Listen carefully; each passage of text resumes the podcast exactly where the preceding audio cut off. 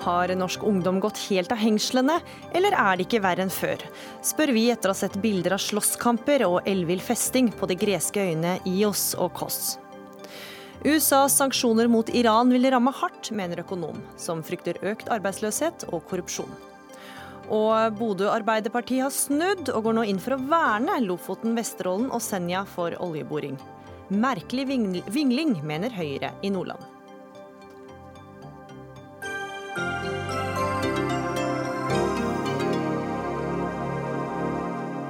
Ja, Det er noen av sakene du får her i Dagsnytt 18 på NRK P2 eller på eh, nrk.no denne tirsdagen.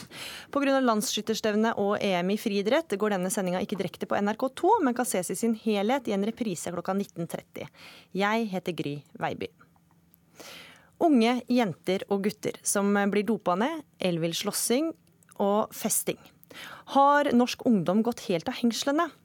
Det er nok mange som lurer på etter de siste ukers fortellinger og bilder av kommende norsk russ på festeturer til de greske øyene Kos og Ios. Nå må foreldrene på banen, det skriver du i et innlegg på NRK Ytring, Kristin Ask. Du er lektor ved Oslo katedralskole, også kjent som Katta, og vi skal snakke mer om foreldrenes ansvar snart. Men eh, først, du har jobba som lærer i 15 år. Hvilke endringer har du sett på de som er russ? Jeg har sett en eskalering både når det gjelder lengde og intensitet i russetiden. Det begynner mye før. Man begynner allerede med disse grupperingene i, i første klasse. Det er mye mer økonomi inne i bildet. Og nå kan vi nyansere litt, for når vi snakker om russetiden, så er det enkelte skoler der det eskalerer, mens enkelte skoler er det nesten ikke et problem i det hele tatt. Skoler som har høy grad av elever med, eh, med multikulturell bakgrunn, der er det ofte et lite problem. Men også skoler som har eh, høyt opptakskrav, der er det også et lite problem. Men andre steder så mener jeg at det er, at det er mye verre enn det det har vært før. Peder eh, Lofnes Hauge, du er rådgiver for Venstre i byrådet i Bergen. Og I en eh, kronikk i Dagbladet i dag så skriver du at det ikke er noe verre nå enn det var før. Hvordan begrunner du det? Du, det kan jeg aldri tenke meg. Det er et uh, lite fåtall av norsk ungdom som reiser på ferieøyer i Hellas og koser seg, som, som slåss, uh, som drikker altfor masse. Uh, og sånn har det alltid vært. Det har vært slåssing og det har vært drikking over hele landet i mange tiår. Det er ikke noe nytt fenomen. Det er heller ikke noe nytt fenomen at det alltid er et lite mindretall som ødelegger for flertallet og rykter for flertallet.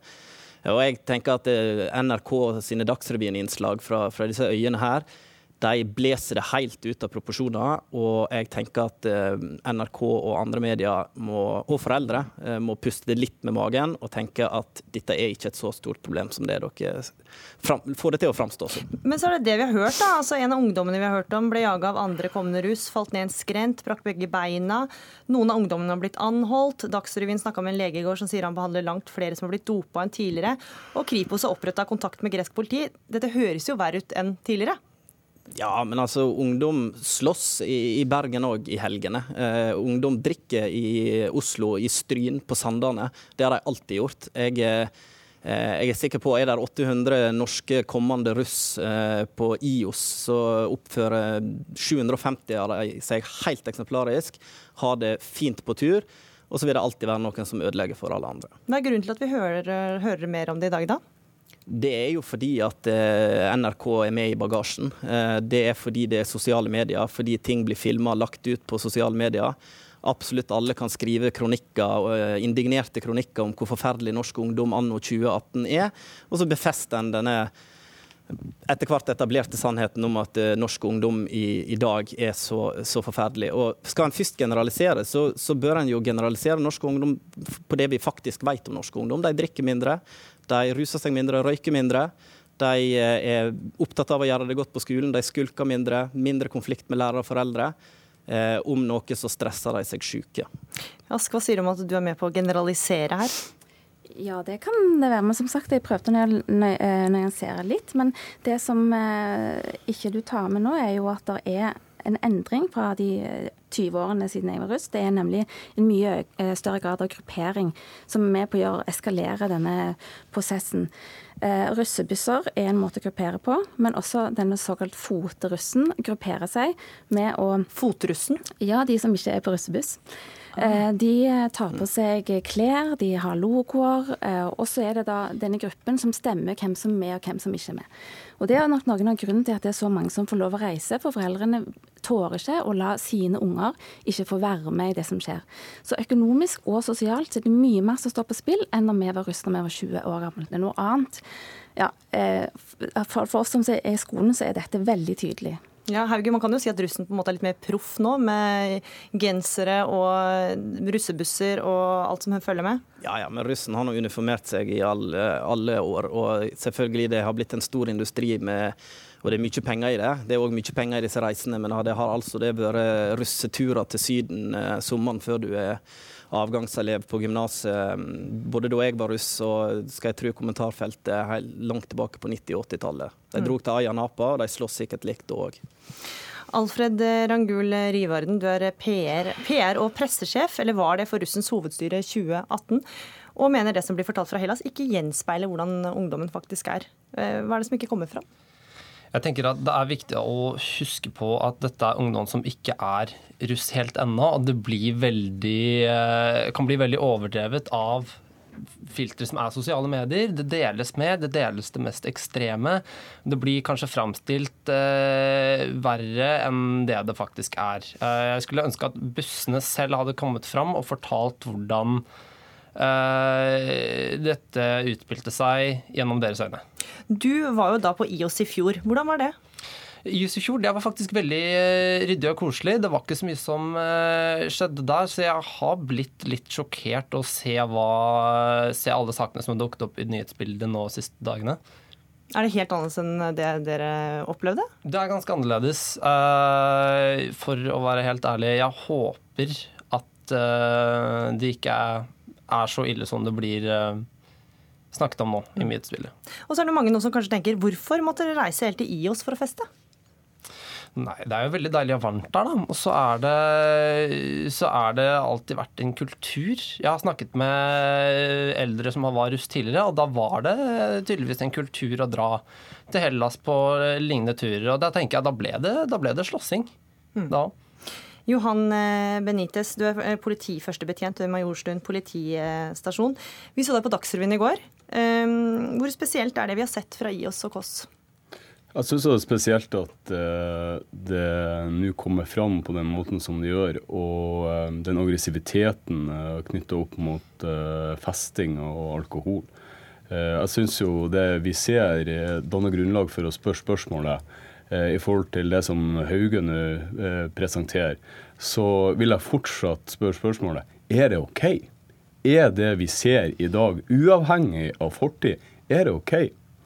Jeg eh, kan gi et sånn lite ressursbilde for politiet sin del. Og nå snakker jeg ikke om første, andre og tredje klassen på videregående. Nå snakker jeg om en liten måned der eh, vi har loggført 640 politioppdrag. Som da selvfølgelig stjeler eh, kapasitet som gjør at andre som ringer inn, ikke får. Og det eh, tilknytta russen ja. eller kommende russ. Hvor unikt er det, så mange oppdrag? Nei, altså Det er unikt. I denne perioden her er det unikt. Det er et vanvittig trøkk på politiets operasjonssentral. Nå snakker jeg fra det perspektivet. Eh, jeg er forebygger og leder for ungdomsavsnittet. Eh, vi ser utenforskap. Vi ser Og vi vet det er mørketall på seksuallovbrudd knytta til festkulturen, knytta til russefeiring. Vi vet også at det arrangeres fester for å finansiere eh, nokså voksende næring innenfor eh, russegeskjeften. Og de festene der eh, er dyr å delta på. Og der er kalde ungdom da, som eh, barn som ikke skal være der, som er til stede der. Ja, Hauge, her hører du jo selv politiet mottar jo flere hendelser og må rykke ut eh, oftere, og sier at det er unikt det som skjer. De sier det er unikt det som skjer. Og så vil jeg jo si at det er et absurd spørsmål å stille spørsmålet er det greit. Det, altså, det er jo ingen i denne debatten her som mener at det er greit å, øh, å ruse seg på farlige rusmiddel og slåss. Øh, det jeg har skrevet om, og som jeg mener er ganske viktig, fordi verken politi eller media klarer å nyansere dette bildet, er jo nettopp det at en generaliserer og drar alle over en kam og blåser det opp som om det som foregår på, på, på ferieøye for ungdom som skal være russ neste skoleår, er noe helt unikt og noe nytt. Det er det, det er det ikke. Det er heller ikke unikt og nytt at noen får slåss og at de aller, aller, aller fleste oppfører seg. Sånn var det i gamle dager. De trøkka hverandre inn i, i, i, biler og reiste til nabobygda og slåss. Eh, forskjellen er i så fall bare at de gjør det i 30 grader og rosa singlet. Mm. Ja, øh, jeg følger jo til en viss grad Hauge på retorikken, men eh, allikevel så, så, tenker jeg at det eh, kan ikke være den tunga vi skal prate med. fordi at nå er det blitt sånn faktisk at vi har det nå på agendaen. Vi vet at dette er en voksende greie. Eh, det ble beskrevet veldig godt her eh, fra sida. Vi har sett det over tid nå. Og når, når går det krysningspunktet mot å akseptere den festkulturen kontra når nok er nok? Og der mener jeg at, at vi må diskutere skolen, foreldrene, eh, politiet og samfunnet for øvrig. At det kommer til sånn der eh, nærmest et sånn, sånn krysningspunkt der, der vi ikke kan akseptere den festkulturen, eh, at den eh, vokser videre. Mm. Vi må men, si at nok er nok. Ja, dette, dette, er, dette, er akkurat samme måte som de beskriver disse her russearrangementene i Norge, enten det er i Kongeparken eller på, eh, på Tryvann eller hvor den er hvor nå er de, de fester. Og jeg tenker at Det er faktisk litt alvorlig. Eh, der sitter veldig mange foreldre som blir unødvendig bekymra for å sende ungdommene sine på russearrangement når politiet, som den autoriteten de er, når media presenterer det bildet så entydig som det de gjør. Jeg tenker at det er faktisk eh, farlig å slutte å tro at det stort sett er trygt, og at norske ungdommer er eh, stort sett kjekke og snille, også med hverandre. Men Helge, hva hadde du sagt om et av dine barn, eller hvis du hadde et barn i denne alderen, da, ville dra ned til en av de greske øyene denne sommeren? Du, jeg hadde mest sannsynlig sagt ja, og jeg tenker at eh, det er òg helt OK å si nei. I alle fall til 17-åringen sin om han eller hun vil til Syden. Det er ikke det om du eh, sier ja eller nei til å la ungdommen din reise til Syden som eh, avgjør om du er en god forelder. Det er hvorvidt du har lært han eller hun at den oppfører seg mot hverandre. Ja, Ask, for Det er nettopp dette her du advarer mot ytring. Sier at foreldrene må komme mer på banen. Hva er det de skal gjøre, mener du? Altså, De skal våge å være upopulære og si nei. Når jeg jobbet eh, i en skole i Bærum, så kom elevene eh, bakfulle på skolen hver dag i tre uker og ble syke, og karakteren gikk ned. Hva gjorde foreldrene? De sto i foajeen og serverte havregrøt og frukt, og fortalte hvor fantastisk det var de hadde hatt da de var russ. Vet du hva? Jeg syns det er bra at politiet går inn og advarer. De burde gjort det mye mer. Vi i skolen skal begynne å gjøre det mye mer. For det som skjer, det er ikke OK. Og nå er det på tide at vi som voksenpersoner står opp og sier fra. Hvis ikke 17-åringen klarer det sjøl, og det kan det være at ikke de klarer. Ja, det kan godt være vi eh, skjærer alle over én kam. Men vet du hva? Dette som skjer nå, det er ikke OK. Men Ask, hvordan ville du sagt det da, hvis ditt barn var det eneste som ikke fikk lov til å reise til de greske øyene, mens alle andre venner fikk lov til å dra dit? Det knyttes jo veldig mange vennskap. Og... Det gjør det, og det er det som gjør det så fryktelig vanskelig. Og det er derfor det er mange foreldre der ute som ikke våger å si nei. De er livredde for at ungen faller utenfor disse gruppene. Eh, jeg håper jeg hadde vært sterk nok til å si nei, vært, blitt skikkelig upopulært. Eh, vi kan ikke bare dilte etter. Forhåpentligvis hadde jeg lært eh, ungene mine til å si at noen ganger må man faktisk si nei. Og det syns jeg som en voksenperson har en plikt til å gjøre, og ikke prøve å undergrave det som gjør at ja, det har skjedd i all tid. Mm. Ja, men det vi ser nå, det er ikke sånn det har vært før, og det er ikke OK. Ryvard, hva ville dine foreldre sagt, eller andres foreldre sagt, hvis dere ikke hadde fått lov til å reise på den russeturen, da? Nei, det er, jo, eh, det er jo mange som kanskje ikke ender opp med å dra på disse turene fordi de tenker at det blir for skummelt, eller fordi de tenker at det koster for mye penger. Men hvis man har spart opp pengene sine selv, så syns jeg at man burde få lov til å eh, komme med motargumenter. Eh, og hvis man ikke vinner den saken, så eh, har, burde foreldrene ha lov til å si nei hvis de mener det. Eh, men jeg, jeg, jeg, tenker nå at eh, Ask, du sa at du var eh, Foreldrene oppmuntret omtrent den oppførselen når du jobbet i Barum. Men det, det, begynner vel å nærme seg en god del år siden du jobbet eh, på Sandvika. Jeg vil påstå at russetiden har endret seg veldig de siste årene. Man ser en forbedring i karakterer, man ser eh, mindre bakfulle russ på skolen, man ser mindre fravær. Og Det syns jeg er viktig å notere seg, for jeg, jeg ser eh, alt i alt ser jeg en positiv utvikling. Hmm. Ja, ungdommen, Vi har jo alltid klart på ungdommen. Det har vi. Det har vi gjort siden antikken. Eh, og mange av ungdommen eh, er fantastiske. Eh, og det er en generalisering det vi driver med her, men det er også en tendens som vi ser som en parallell i samfunnsutviklingen generelt. Det er en økt seksualisering, det er grenseoverskridelse.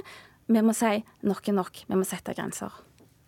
Jeg ønsker å si også at veldig mange ungdom oppfører seg veldig OK. Og det er ikke Eh, fra politiet side Vi ønsker ikke å framstå som noen som står med pekefingeren, men Men du har jo selv sagt at du ikke ville sendt dine barn? Det er helt klart. Det ville jeg ikke gjort med de forutsetningene som er der, med den ville festinga som er der, fordi at jeg opplevde det som utrygt. Så kan foreldre nå si at de har støtte i politiet, da, hvis de sier du får ikke lov til å dra? Politiet er enig med meg? Ja, det vil jeg påstå. Eh, men jeg ønsker å si en sak, og det, det er at vi vil jo ikke være der at vi sier at ingen fest skal være forbudt. eller å, å være så, Vi vil ikke framstå som firkantete, men eh, la oss ta en debatt hvorvidt at eh, russetida faktisk skal dreie seg om en avslutningsfest, ikke om noe som starta mm. i førsteklassen. Mm. Eh, og Det er noe som skjer med de, på de her tre årene. De modnes nå. De blir jo på en måte støpt inn i mer som voksenform. Men førsteklassen, der det starta, det er der vi, vi må begynne å arbeide litt der, da begynne tidligere. Veldig kort. Eh, jeg vil bare En liten sånn parallell til det du sa med seksualisering. Jeg tror utviklingen som har skjedd på IOS nå nylig, har noe noen røtter i sosiale medier. Mye av, de, eh, mye av nåværende andreklassingene har kanskje blitt oppmuntret av det de har sett russ har lagt ut på sosiale medier. Jeg tror at det ligger noe i grunnene der man bør ta en nærmere titt på. En siste oppfordring der. Og De neste, neste dagene så vil flere hundre norske ungdommer returnere etter eh, festferiene. Forhåpentligvis er de like hele. Takk for at dere var med, Johan Benitez, eh, politiførstebetjent ved Majorstuen politistasjon. Alfred Rangul Ryvarden, PR og pressesjef for Russens hovedstyre 2018. Kristina Ask, lektor Oslo katedralskole. Og Peder Lofnes Hauge, rådgiver for Venstre i byrådet i Bergen.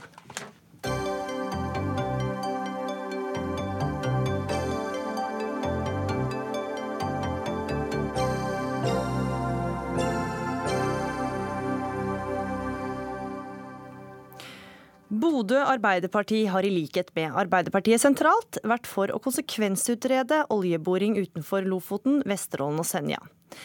Men nå har lokallaget, i tillegg til AUF og ti fylkeslag i Norge, gått inn for å verne områden, områdene.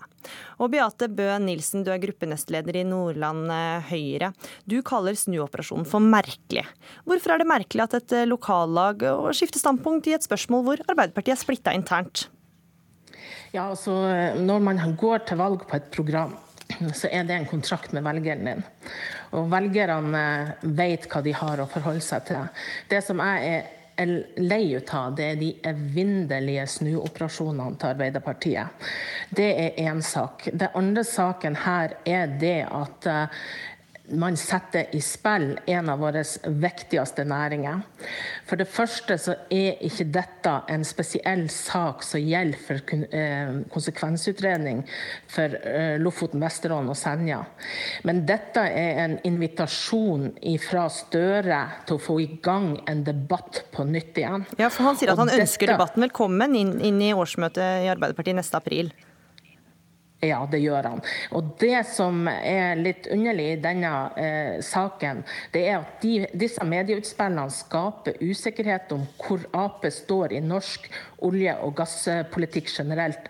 Ikke bare vedrørende eh, Love eh, Senja spesielt. Det tyder på at det ikke ligger fast, den politikken. Og så kan man stille spørsmål er dette første steget på en ny politikk fra Arbeiderpartiet for en systematisk nedbygging av Norges største eh, næring. Mm, ja, Vi skal ikke ta alt med en gang. Vi skal gå til deg, Morten Melo, du er gruppeleder for Bodø Arbeiderparti. Og dere har altså gått til valg sentralt på at det skal bli en konsekvensutredning. Hva sier dere til velgerne deres nå som har stemt på dere nettopp av den grunnen? Ja, Det er korrekt at vi gikk til valg på at eh, Nordland 6 eh, skulle eh, konsekvensutredes. Men vi sa jo også samtidig at Nordland 7 og Troms 2 ikke skulle, skulle røres. Sånn at Det var jo standpunktet da. Og så er vi noen i Bodø Arbeiderparti som har snudd og kommer, og kommet til en annen konklusjon nå.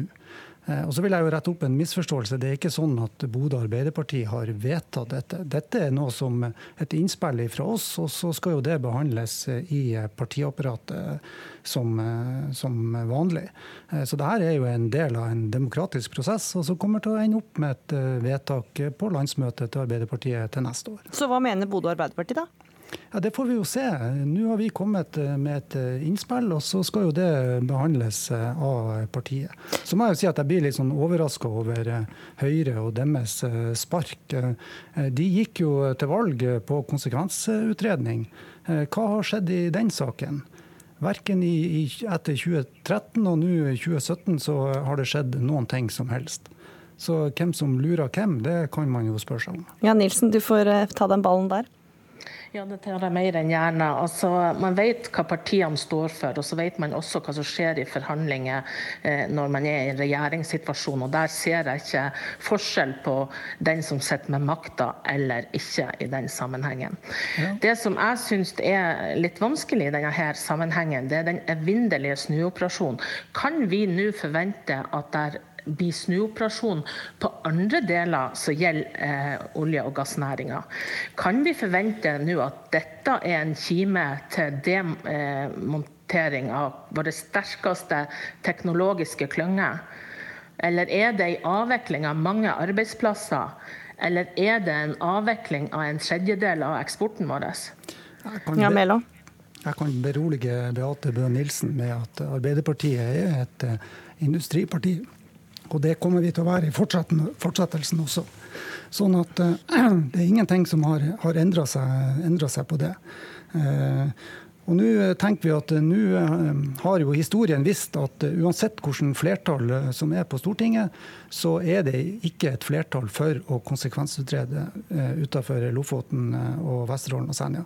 Og Da er det på tide å gå videre og ha fokus på de allerede eksisterende næringene, altså fiskeri- og, og havbruksnæringa, som har et, fortsatt et enormt potensial, og som har vært der i, i, mange tusen år. Ja, for Du skriver i en kronikk i Avisa Nordland eh, sammen med ordfører Ida Pinnerød at det er nødvendig å skifte mening nå. Hvorfor akkurat nå?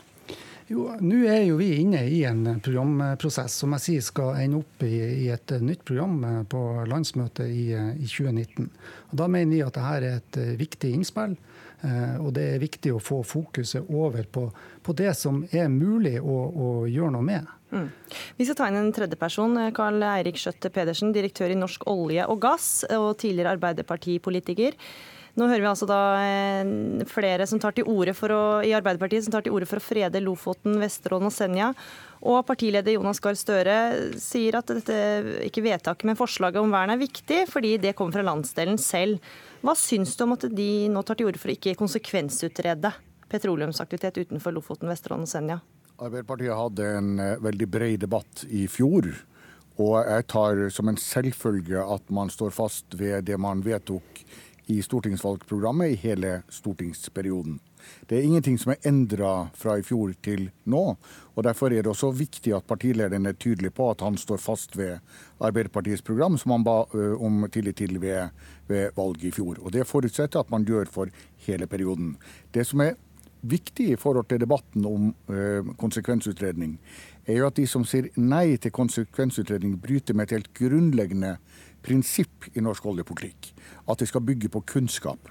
Fakta og kunnskap må bestemme hvor vi skal drive oljevirksomhet, og hvor vi ikke skal gjøre det. Derfor har vi brukt lang tid på å tildele nye områder, fordi at vi skal høste åkeren på ordentlig vis. Vi har bygd på og fått frem fakta og kunnskap. og Det, er ingen Men, som har La meg si følgende. Det er, det er, ingen som har foreslått at man skal starte aktivitet i Lofoten, Vesterålen og Senja nå. Spørsmålet er om man skal innhente kunnskap. Mm. Ja, men, hva, men hva syns du om at, altså, hva betyr det at uh, dette her, landets største parti, da, eller Arbeiderpartiet, nå blir stadig mer splitta, eller virker mer splitta i spørsmålet om framtida til oljenæringa? Jeg oppfatter at Arbeiderpartiet er helt tydelig når det gjelder forholdet til oljenæringa som sådan. Og jeg er glad for at både Arbeiderpartiets leder og ordføreren og gruppelederen i Bodø er helt tydelig på viktigheten av en framtidig olje- og gassutvinning. Og ikke minst så peker Støre på de store mulighetene som ligger i Barentshavet. Men vi vet at det er ulike syn knytta til eh, Lofoten, Vesterålen og Senja. Derfor var det en stor diskusjon i fjor. Der konkluderte Arbeiderpartiet med å be velgerne om eh, tillit til å styre ut fra at man ønsker en konsekvensutredning av Eh, Nordland 6. Det forutsetter at det står fast i hele perioden. Men så sier også partilederen, eh, partileder Støre at eh, det er de som, de som, bor i landsdelen som det er ekstra viktig hva de mener. Og når da Bodø Arbeiderparti tar til orde for at de ikke vil konsekvensutrede, kan det ha noen konsekvens? Landsmøtet vedtar Arbeiderpartiets politikk, slik som landsmøtet vedtar Høyres politikk. Landsmøtet i Arbeiderpartiet har vedtatt for hele fireårsperioden et program som sier at man går inn for konsekvensutredning av Nordland 6. Det tar jeg som en selvfølge at Arbeiderpartiet står fast ved i hele stortingsperioden. Ja, Nilsen, det er ikke noe å engste seg for, da? Nei, vet du, Jeg syns det her er ganske spesielt, eh, det som blir diskutert her. Her har vi en som sitter som leder av interesseorganisasjonen for norsk olje og gass og fremhever fremheve Arbeiderpartiet sin politikk. Jeg lurer på hvor har norsk olje og gass, som er oljenæringa og ikke minst eh, eh alle bedrifter som er knytta opp mot dem, eh, hvor har de vært i denne debatten? Eh, de har ikke vist seg i det hele tatt. De forteller bare nå, kommer på banen og fremhever Arbeiderpartiet sin politikk. Og så viser, det seg, så viser det seg så at det er ikke den enigheten som det prøves å framstille her. Jeg syns det er direkte pinlig for Bodø Arbeiderparti at distriktssekretæren i LO Nordland, eh, Rita Lekanger, er forundra og lurer på hvorfor dette kommer nå. Og så Samtidig så går det to representanter fra Fellesforbundet, som også er representanten representanten i bystyret i Arbeiderpartiet i Bodø og i fylkestinget i Nordland og beskylder Melå og Pinnerød for en taktikkeri og populisme og at dette er det viktigste fokuset de har. Det viser at det er ingen enighet, det er kaos. Ja, Melo, du må få svare på det. Men jeg tror representanten fra Høyre ikke hørte hva jeg sa. Vent litt, Skjøtt Pedersen, vi må slippe til Melo.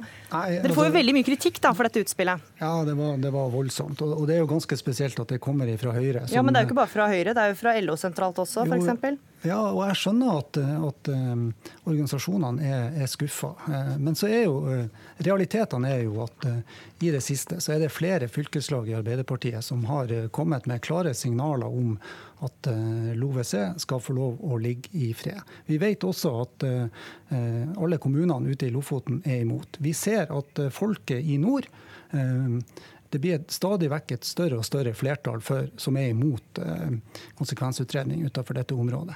Eh, og Så kan jo vi eh, velge som parti å bare holde fast på, på, gammel politikk, eller vi kan velge å se fremover og høre og lytte til de nye innspillene som kommer og de, de endringene som, som, skjer. Og Det har vi tatt til orde for i den kronikken. Vi har sagt tydelig ja, vi snur. Nå er det viktig å, å se fremover.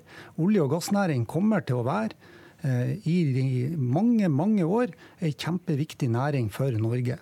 Men LoVC skal vi la være i fred. Og så må vi ha fokus på fiskeri og havbruk og de andre næringene som, som eh, betyr mye for folk langs eh, kysten vår. Mm. Jeg er redd for at representanten fra Høyre ikke helt fikk med seg hva jeg sa. Jeg sa at de som er mot konsekvensutredning, går imot det grunnleggende prinsippet om kunnskap i norsk oljepolitikk. Derfor er det klart at det som representantene fra Bodø her har gått inn for, de er i strid med disse grunnleggende prinsippene. De er strid med det vedtaket Arbeiderpartiet har gjort. Og jeg forutsetter at Arbeiderpartiet står fast ved det de vedtok for et år siden. Men AUF har lovet å løfte spørsmålet om vern av Lofoten, Vesterålen og Senja på landsmøtet neste april. Og da forutsetter jeg at Arbeiderpartiet står fast ved det de vedtok. Ja, så gjenstår det å se om Arbeiderpartiet sentralt forlater standpunktet om å konsekvensutrede områdene for oljeutvinning. Takk for at dere var med i Dagsnytt 18, Beate Bøe Nilsen, gruppenestleder i fylkestinget. Takk til deg, Morten Melaa, gruppeleder i Bodø kommune kommunestyret. Og takk også til deg, Carl Eirik Skjøtt Pedersen, direktør i Norsk olje og gass.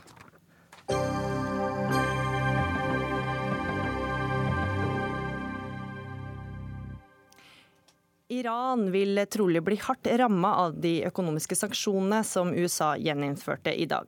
Sanksjonene er en konsekvens av at USA tidligere i år trakk seg fra den internasjonale atomavtalen med Iran, som ble inngått i 2015.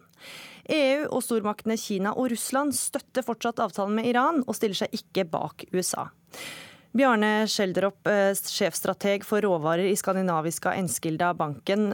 Du mener Iran vil bli hardt rammet av USAs sanksjoner. På hvilken måte ville det? Altså, problemet er jo at, at Irans økonomi allerede er ute og kjører.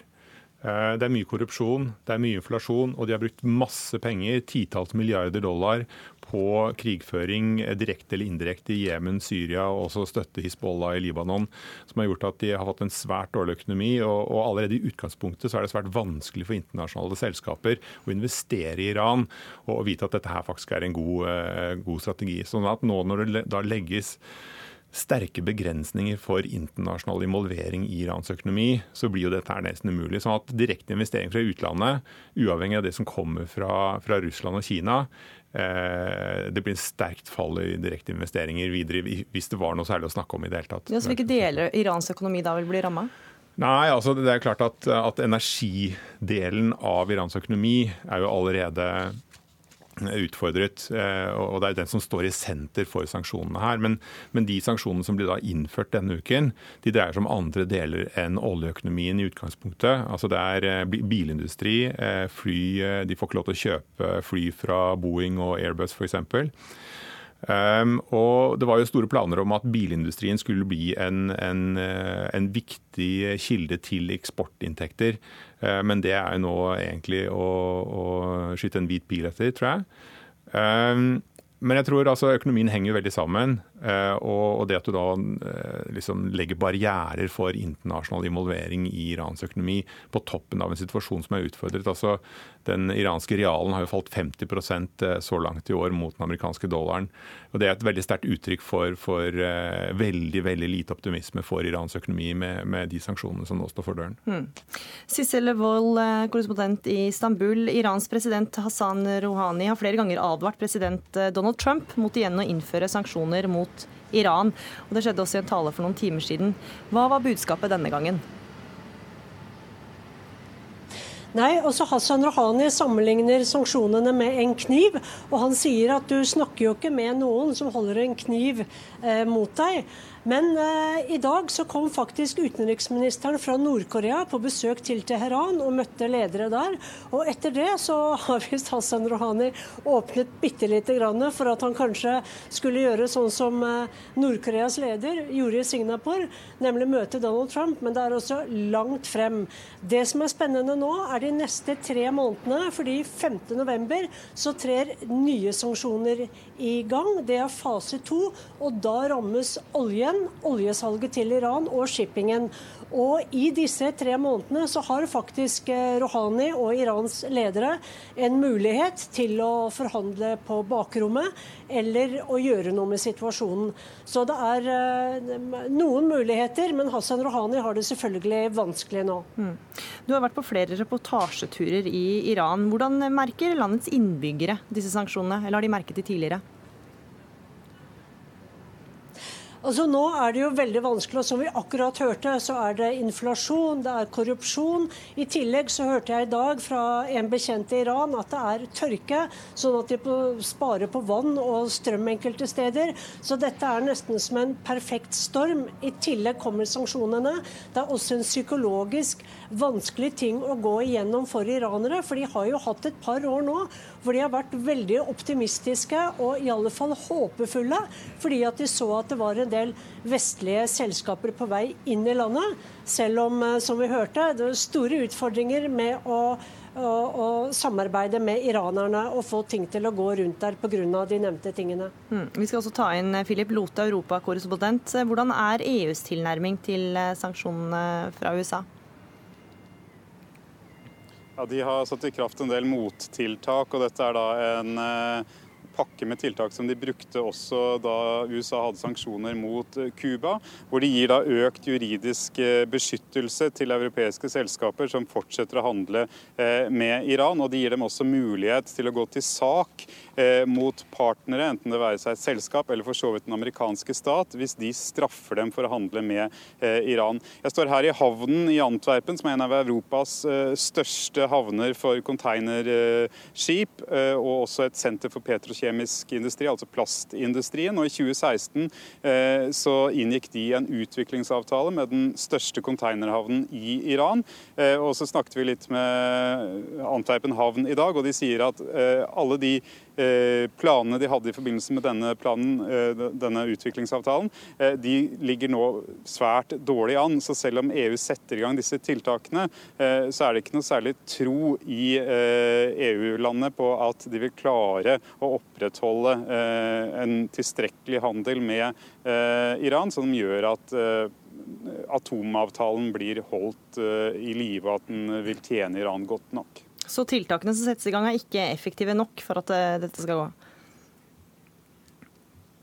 Ja, det som er, er at uh, Selv om du kan få en viss beskyttelse og støtte fra, fra EU, så er det f.eks. hvis du er uh, Daimler, da, som i dag sa at de kom til å trekke seg ut og, av den, den, lille aktiviteten de har i Iran, så er det klart at hvis du er eksponert mer for det amerikanske markedet, hvis det amerikanske markedet er viktigere for deg enn Iran, og det vil jo for de fleste store multinasjonale selskaper være, uh, så er det rett og slett dårlig økonomi, og det er ikke å gi aksjeeierne noe særlig utbytte på å bli værende i Iran. Så det er det forholdsvis få selskaper selskaper som eh, kommer til å gjøre. Og også franske Total, oljegiganten, som vil da vil bli rammet når disse oljesanksjonene trer i kraft i november. Eh, det er et selskap som vanligvis ikke er så veldig redde for å gå inn i omstridte land. De har også sagt at de kommer til å eh, legge seg etter eller føye seg etter de amerikanske sanksjonene og tilrettelegge sin virksomhet deretter. Mm. Vi er også med Henrik Heldal, du er skribent på nettstedet amerikanskpolitikk.no. Hva kan USA og president Donald Trump oppnå med å gjeninnføre disse sanksjonene? Vel, Målet med sanksjonene ifølge utenriksminister Mike Pompeo er å få Iran til å oppføre seg som et normalt land. Det innebærer da at Iran skal kutte ut alt som har med sitt atomprogram å gjøre, og de skal slutte å støtte terrorgrupper og brutale regimer i regionen. De sier jo også at en regimeendring ikke er et direkte mål med her, de her sanksjonene, men det virker vanskelig å oppnå alle de målene uten at nettopp det skjer. I tillegg så har de jo ikke fått med seg, som ble nevnt, eh, sine europeiske allierte f.eks. her. Så da er det jo et pressmiddel mot dem at de eh, starta sanksjonene og da tvinga europeiske selskaper ut av Iran. Og tvinga europeiske selskaper til å velge mellom de to markedene det store i, i USA, og for mange selskaper et lite marked i Iran. Mm. Hvordan debatteres denne saken eh, i USA? Den diskuteres faktisk ganske lite i, i USA i dag, fordi det er lite nytt å, å komme. og Russland-saken har tatt, det, og Trumps kommentarer i helga om møtet til sønnen under valgkampen har hadde fått mye flere overskrifter. Det er vanskelig å si nøyaktig hva som er strategien til Trump, og det har man også snakka en del om tidligere i USA, som gjør at det er vanskelig å komme noe nytt her. fordi at nesten alle i USA er jo uenig i at det her er den beste fremgangsmåten, når man faktisk hadde bekrefta at eh, Iran eh, oppførte seg i samsvar med denne tidligere avtalen fra 2015. Og Derfor er det altså få som ser en, en grunn til å gjøre det som, som Trump har nå. Nå eh, er det jo sånn at man ikke vet helt nøyaktig eh, hvordan de allierte og sånn vil komme til å svare på det her. Men i USA så når ikke saken helt til topps, fordi man er ikke helt sikker på eh, hva strategien egentlig er. Mm. Sissel Wold, det har vært en rekke demonstrasjoner i Iran etter at USA trakk seg fra atomavtalen. Hvordan, hvilket forhold har den jevne iraner til USA? Eh, det spørs eh, hvem du spør. Det er jo mange iranere som elsker USA. De har familie der, de har studert der, de vil gjerne studere der. Da jeg var i Teheran i februar, så var jeg på den amerikanske instituttet på Teheran universitet, og der var det også så mange studenter at ikke alle får plass. Så selv om de kanskje er svært kritiske til president Donald Trump, så er de veldig interessert i å studere amerikansk samfunn, for det er ikke noe land politikk som har større konsekvenser for iranere enn politikken i eh, Washington til enhver tid. Schjelderup, eh, helt på slutten her så må vi også snakke om hvordan dette kan påvirke norsk næringsliv.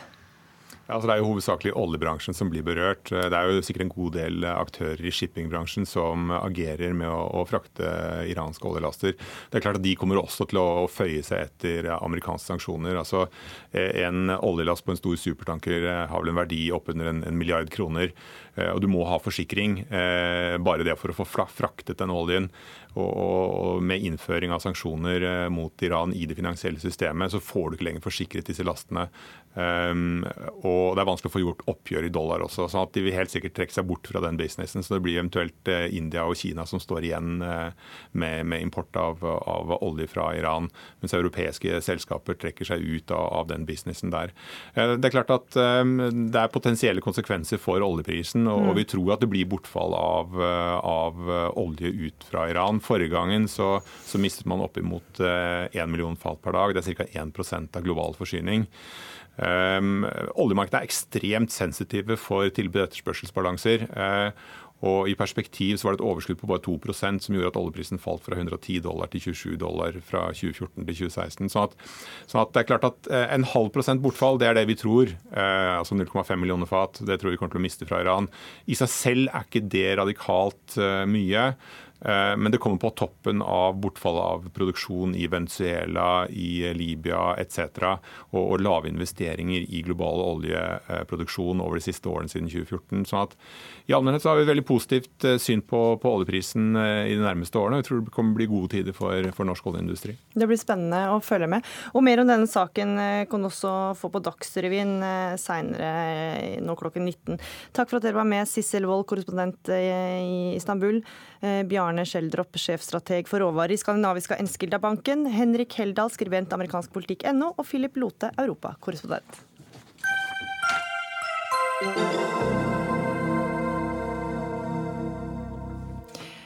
Sveinung Rotevatn er lei av å hele tida bli spurt om regjeringssamarbeidet med Fremskrittspartiet.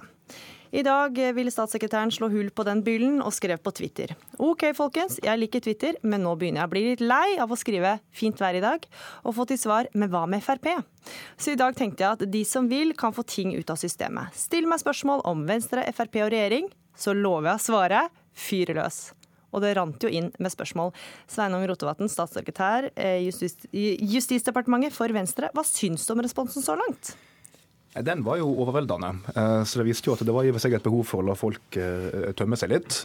Eh, så jeg tenkte jo at i dag altså i dag var, Jeg hadde en litt dårlig dag i dag. Jeg skulle være mye på kontoret og lese ting, stort sett. Så da tenkte jeg OK, nå skal jeg være aktiv på Twitter og svare alle som vil. Du fikk ikke gjort så mye annet arbeid, eller? Jeg minner om at det ble ikke så veldig mye annet. Det ble det, det, det strengt nødvendige.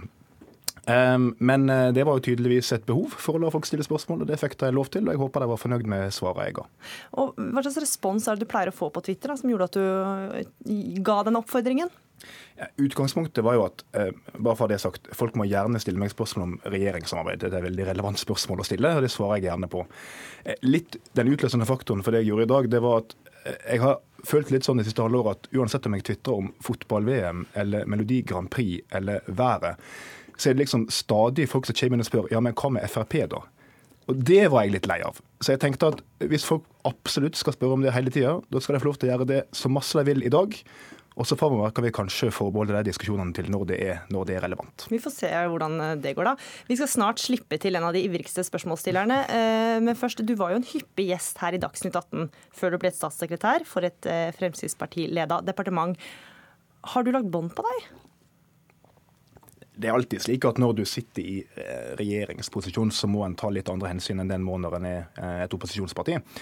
Eh, og Det er en annen rolle å være statssekretær enn det var å være stortingsrepresentant, som jeg var i forrige periode. Så det er nok riktig at jeg var nok mer aktiv i offentlig debatt da enn det jeg er nå, men jeg forsøker likevel å svinge meg litt av og til. Men det at det var et Frp-ledet departement, har det gjort at du måtte legge mer bånd på deg? Nei, det vil ikke jeg si. Nei, nei absolutt ikke. Uh, og Det er klart at det er et Frp-ledet departement. Justisministeren er Tor Mikkel Wara, og jeg jobber for han.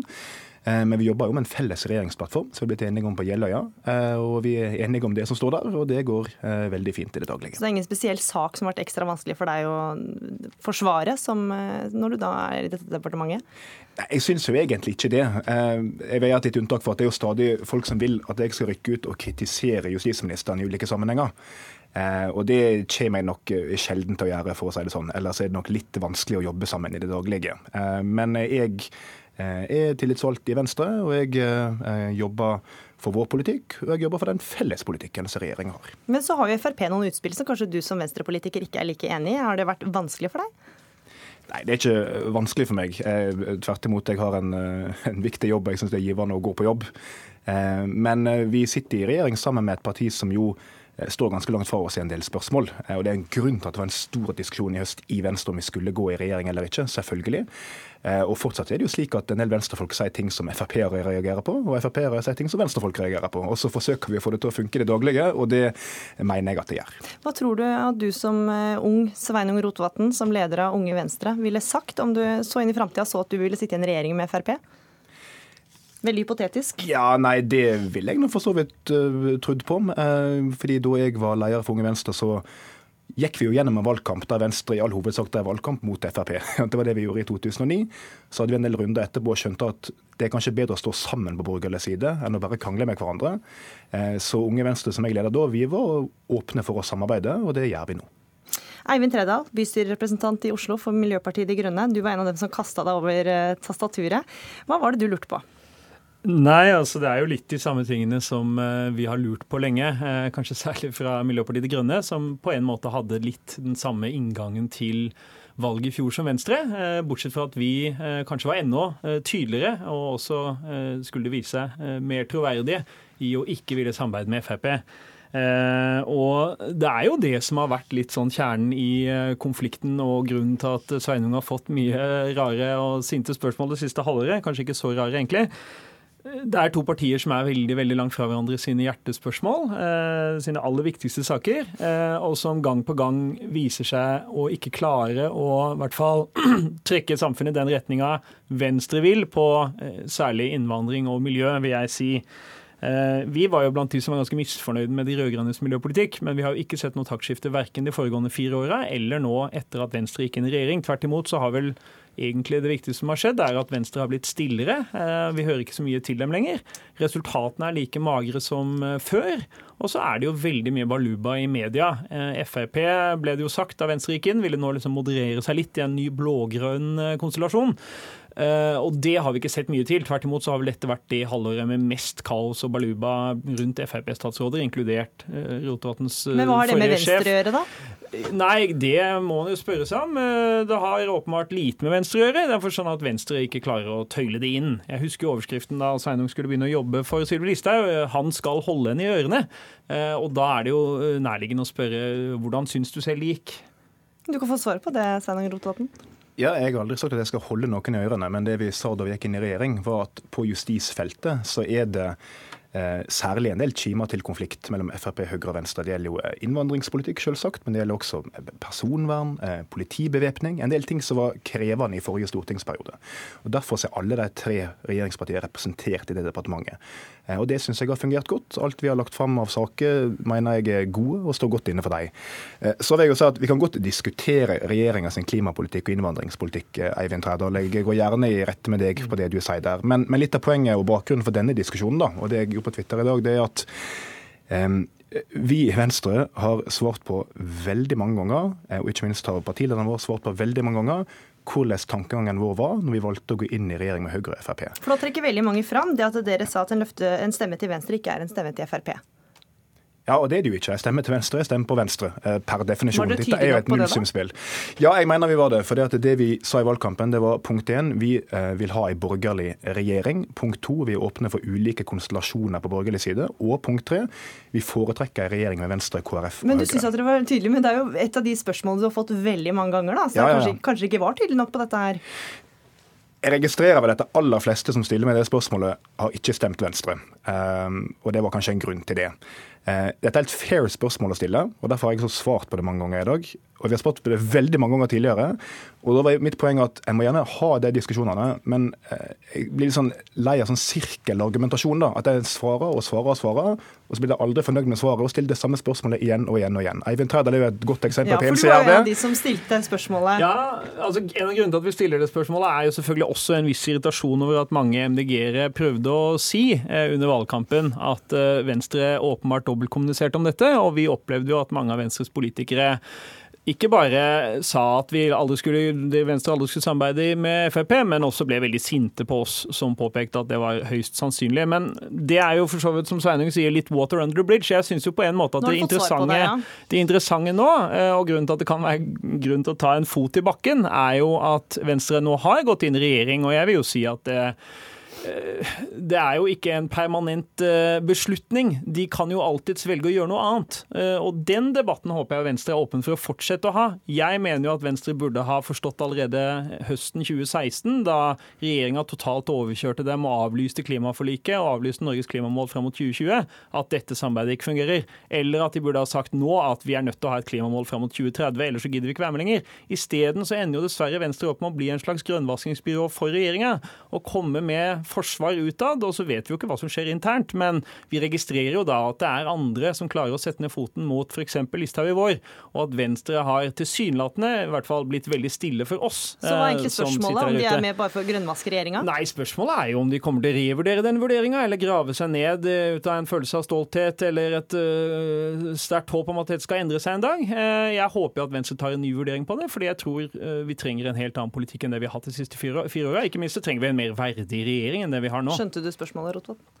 Nei, Det var vel ikke et spørsmål, det var vel mest som partipropaganda. Altså, det er jo ikke noe overraskende at Eivind Trærdal og MDG vil at Venstre skal gjøre og mene det samme som MDG. Ja, Det er jo det han sier.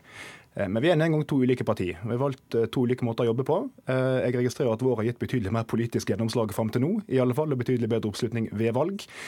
Og til sjuende og sist er det jo bare én gruppe vi svarer for, og det er Venstre sine velgere. De som har stemt på oss, de som har gitt oss tillit. Vi hadde en stor diskusjon i høst med deg og med medlemmene våre. Hvordan skal vi best forvalte det mandatet vi har fått? Hvordan skal vi best få gjennomslag for Venstres miljøpolitikk, innvandringspolitikk, næringspolitikk?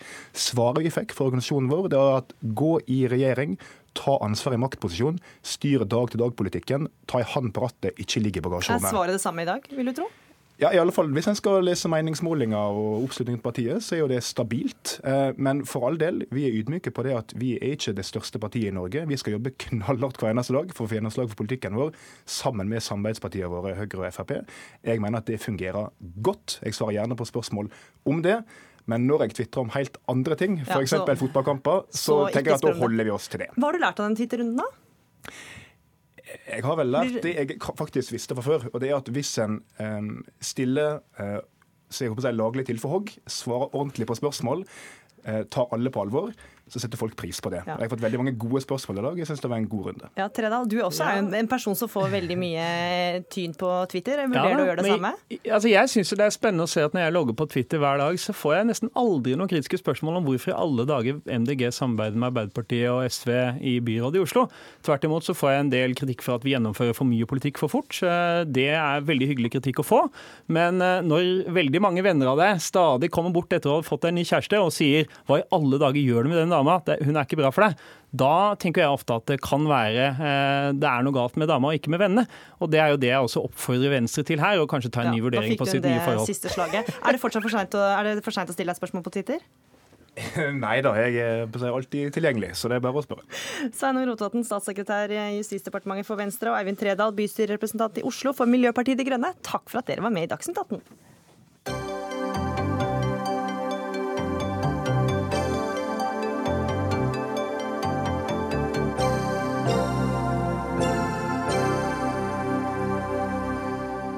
Å leie ut leiligheten for korte tidsperioder gjennom nettsteder som f.eks. Airbnb har blitt stadig mer populært. Det er enkelt og greit, og du kan tjene noen ekstra tusenlapper i måneden ved å leie ut den tomme leiligheten din. Nå foreslår Norsk Boligbyggelag å begrense korttidsutleie til 60 dager i året. Og Henning Lauritzen, avdelingsdirektør i Norsk Boligbyggelag, hvorfor foreslår dere dette? Egentlig fordi det er omtrent sånn reglene er i dag. Det er forbudt å leie ut leiligheten hele året på Airbnb. Men i dag er regelen 90 dager? I dag er det ingen regel som sier noe annet enn at hovedbruken skal være bolig. Sånn at du kan ikke åpne en grønnsaksbutikk i boligen din og drive den på helårsbasis. Og du kan ikke leie ut på helårsbasis. Så vi vil ha en klar grense, og vi mener 60 dager er nok. Hva vil en klar grense gjøre da?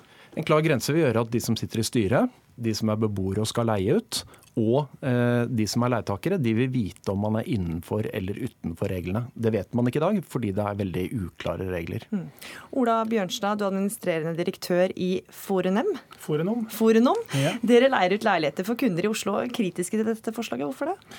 Nei, vi ser at det er helt åpenbart en behov for korttidsleie, også utover de 60 dagene som, eh, som de ønsker nå.